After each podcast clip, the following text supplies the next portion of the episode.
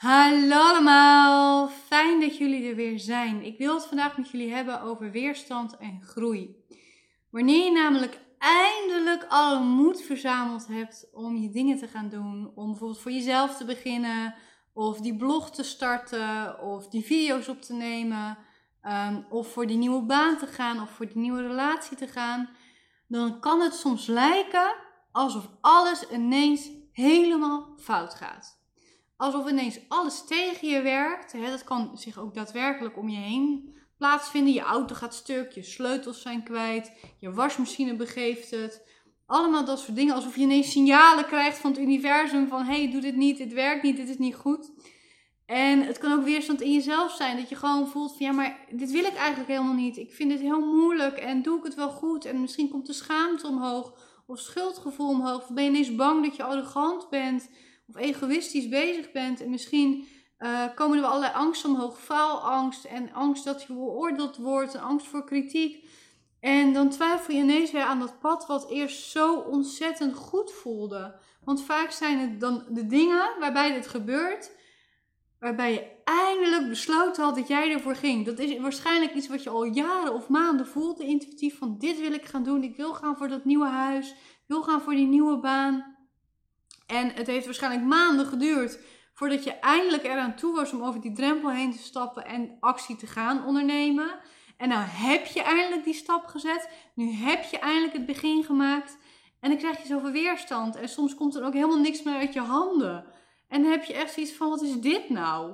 Wat moet ik hier nu weer mee? Wat is er gebeurd als het ware? En ah, je loopt in die zin gewoon helemaal vast. En soms is het ook letterlijk van ik heb de eerste stap gezet en daarna doe ik er niks meer aan. Het lijkt wel alsof je het niet meer wil. En terwijl je het wel wil. En dan kunnen we zo boos worden op onszelf en zo teleurgesteld raken in onszelf. En ik snap het. Ik snap dat echt helemaal. Ehm, maar punt 1 wat ik hierin aan wil raken met je, is dat die weerstand en die dingen die stuk gaan, die dingen die fout gaan om je heen, geen signalen van het universum zijn. Want jij hebt waarschijnlijk hiervoor tegen duizend signalen van het universum gekregen in de vorm van dubbele getallen, symbolen, dingen die herhaald werden tegen je door verschillende momenten, uh, op verschillende momenten ook. Dat dit is, is wat je wilde en mocht gaan doen. Dit was hetgeen wat voor jou weggelegd was. Dit was de goede stap. Je hebt het waarschijnlijk tigduizend keer bevestigd gekregen.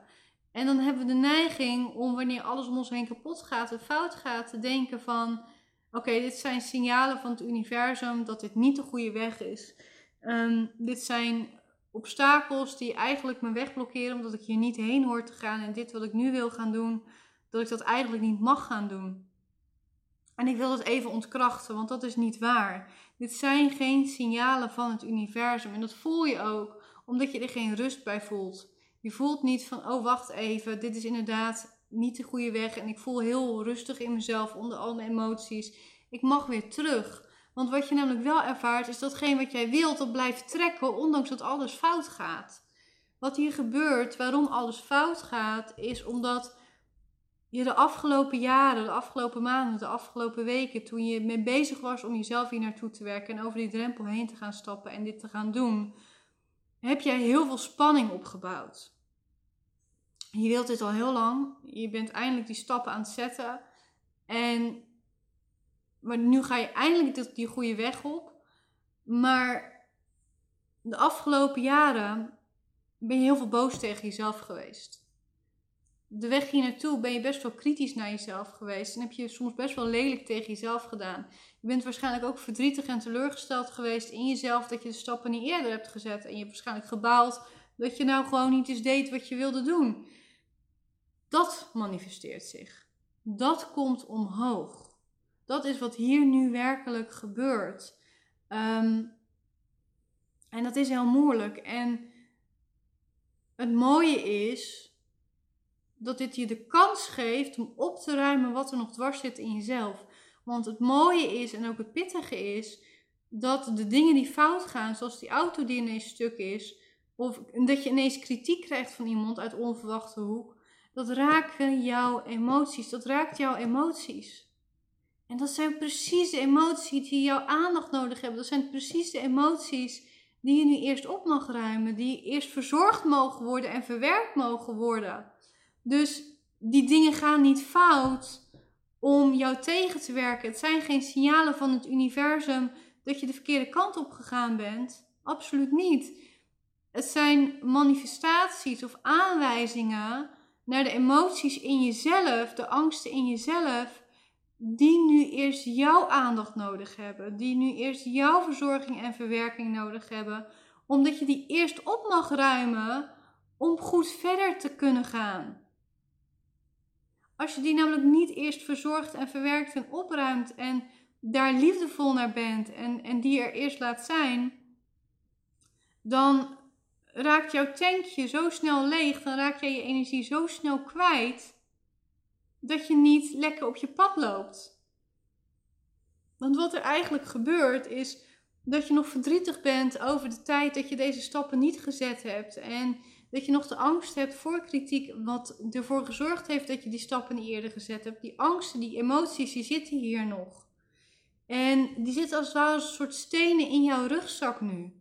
En ook al heb je die drempel gezet, je draagt nog steeds die ballast met jou mee. Die ballast die kost energie, onbewust of bewust. Houdt het je bezig, houden die angsten jouw aandacht vast, jouw focus vast.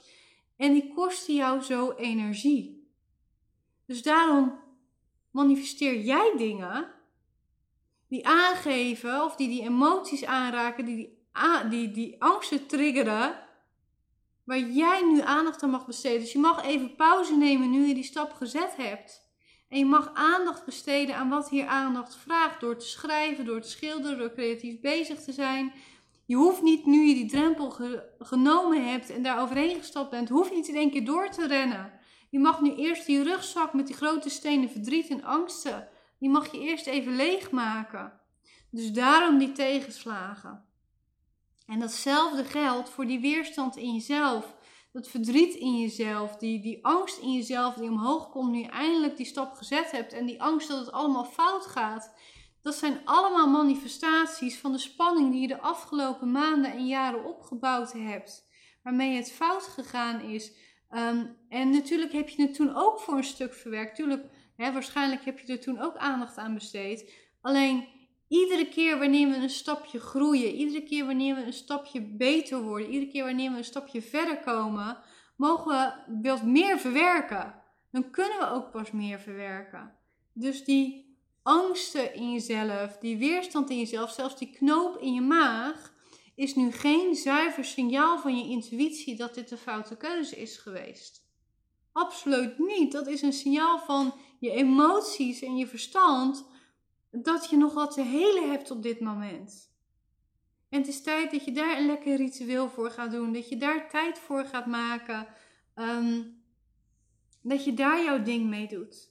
En ik weet dat dat niet makkelijk is, maar het helpt zo enorm veel. Wanneer je gewoon een paar keer per week kunt gaan zitten en een 5 à 10 minuutjes vrij kunt maken. En in die tijd gewoon lekker van je afschrijft. En het hoeft niet te kloppen, het hoeft niet chronologisch te zijn. Je hoeft er niet eens terug te lezen, je hoeft er niet over te oordelen. Je mag er niet eens over oordelen, zal ik je vertellen. Het gaat er gewoon om dat alles wat in jou speelt, dat er, dat er uit mag. Dat is zo'n belangrijke stap van verwerking. En dat je ook in die zin even de tijd neemt om alles er te laten zijn.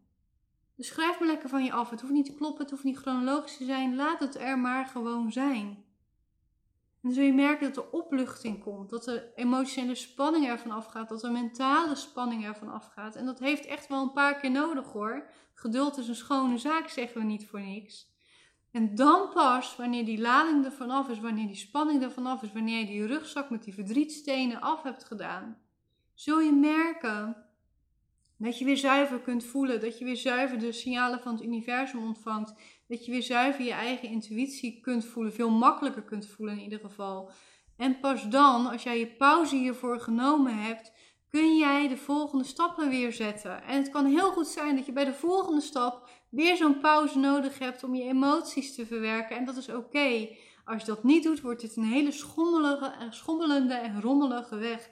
Wanneer je dit wel doet, het iedere keer zorgen voor je emoties, ga je steeds meer in alignment komen met jezelf. Ga je steeds meer in alignment komen met het universum. Ga je steeds meer jouw weg bewandelen op een rustige manier die voldoening geeft en die je gelukkig maakt. Maar je kunt niet je rug naar je pijn toekeren en verwachten dat het goed gaat. Dat gaat niet. Zo werkt het niet, lieve schat. En daar dienen die signalen dus voor. Daar dient die weerstand dus voor. Daar dienen die lichamelijke klachten voor. Die geven aan dat er wat is. Dat is het enige wat er is. En dan zul je op een gegeven moment gaan merken dat je weer verder kunt wandelen. Dat je je volgende video op kunt nemen. Dat je ineens je sessies vorm kunt gaan geven. Uh, dat je ineens wel weer heel rustig kunt zoeken naar vacatures of naar huizen. En dan merk je van, hé, hey, wacht even, er zit weer stroming in. En dan zul je merken dat je juist de dingen vindt waarnaar je op zoek was, maar wat niet meer ging door die weerstand. En dan herken je de signalen van het universum eraan dat ze uitnodigend zijn, dat ze liefdevol zijn en dat dezelfde boodschap zich keer op keer herhaalt. En dat kan zijn door middel van dubbele getallen. Dat kan zijn door middel van herhalende dingen die op verschillende momenten door verschillende mensen tegen je gezegd worden. Het kan zijn dat een symbool of een bepaald object zich in je leven telkens herhaalt. Dat zijn die signalen weer wel. Het universum laat niet zomaar iets kapot gaan. Die laat je dubbele getallen zien met de boodschap van hé, hey, je zit niet helemaal op de goede weg. Dat is daarin aan de hand. Dus laat je angst niet invullen wat die signalen zijn, want dat gaat niet. Laat je emoties niet vastgrijpen aan die signalen, ehm, omdat je ze dan niet meer goed kunt oppakken en kunt vertalen. En volg dat onderbuikgevoel wat nu ook aan je trekt en zegt: Dit is wat ik wil. Daar mogen we naartoe. Dat is waar we naartoe gaan. Alleen ga niet haasten. Ga er geen druk op leggen voor jezelf van dat moet nu en ik moet er nu naartoe. Want op het moment dat je dat doet, op het moment dat je jezelf gaat forceren en gaat dwingen om nu stappen te zetten met weerstand in je maag, gaat het niet lukken en gaat het niet de resultaten opleveren die jij zo graag wilt. Want je energie zit er dan niet in, je intentie zit er dan niet in. Waardoor ook wanneer je iets doet voor anderen met zoveel weerstand, dan zul je merken dat anderen er niet op reageren of dat je juist kritiek krijgt of juist weerstand terugkrijgt. Omdat dat is, de energie is die er op dat moment in zit. En daar zit de truc van het leven ook voor een deel in, denk ik. Dingen doen vanuit een goed gevoel, met een goede intentie. Op het moment dat het ook intern bij jou lukt om dat over te brengen.